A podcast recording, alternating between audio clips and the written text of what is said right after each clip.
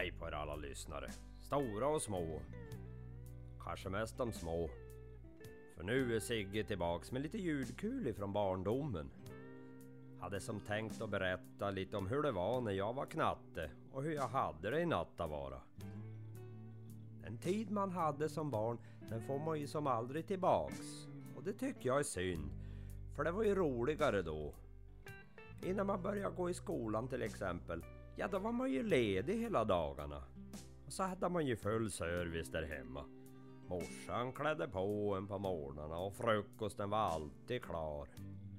Och för mig passade det ju utmärkt eftersom jag alltid hade något på gång. Kanske ni undrar vad en liten knatte på 5-6 år kan hitta på för tok. För när man är i den åldern har man ju som ingen livserfarenhet. Och då kan man ju inte ha så mycket idéer i skallen. Där har ni fel. Var det något jag hade gott om så var det idéer. Och farsan han gillade inte mina påhitt. Vilket jag som inte kunde förstå. För så fort jag hade gjort något som jag var stolt över så berättade jag det för honom när han kom hem från jobbet. Och någon gång tyckte han väl att jag hade varit duktig. Men för det mesta vart han grinig och skickade upp mig på mitt rum. Så var det färdiglekt den dagen. Ja, jag kommer ihåg en gång på vintern. Det hade kommit en massa snö under natten.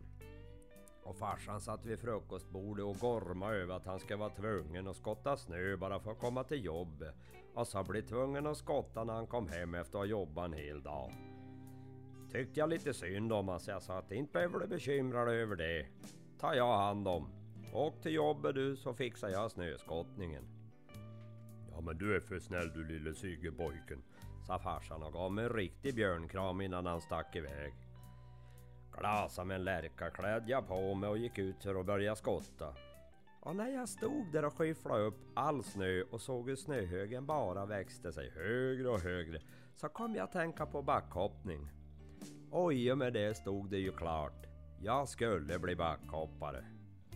Och jag började bygga min egen hoppbacke. Och den blev stor och fin, det kan ni tro. För det tog mig nästan hela dagen att få den i ordning. Givetvis var jag glad och stolt över mitt verk. Men säg den glädje som varar för länge. För när farsan kom hem, då blev det ett jävla liv.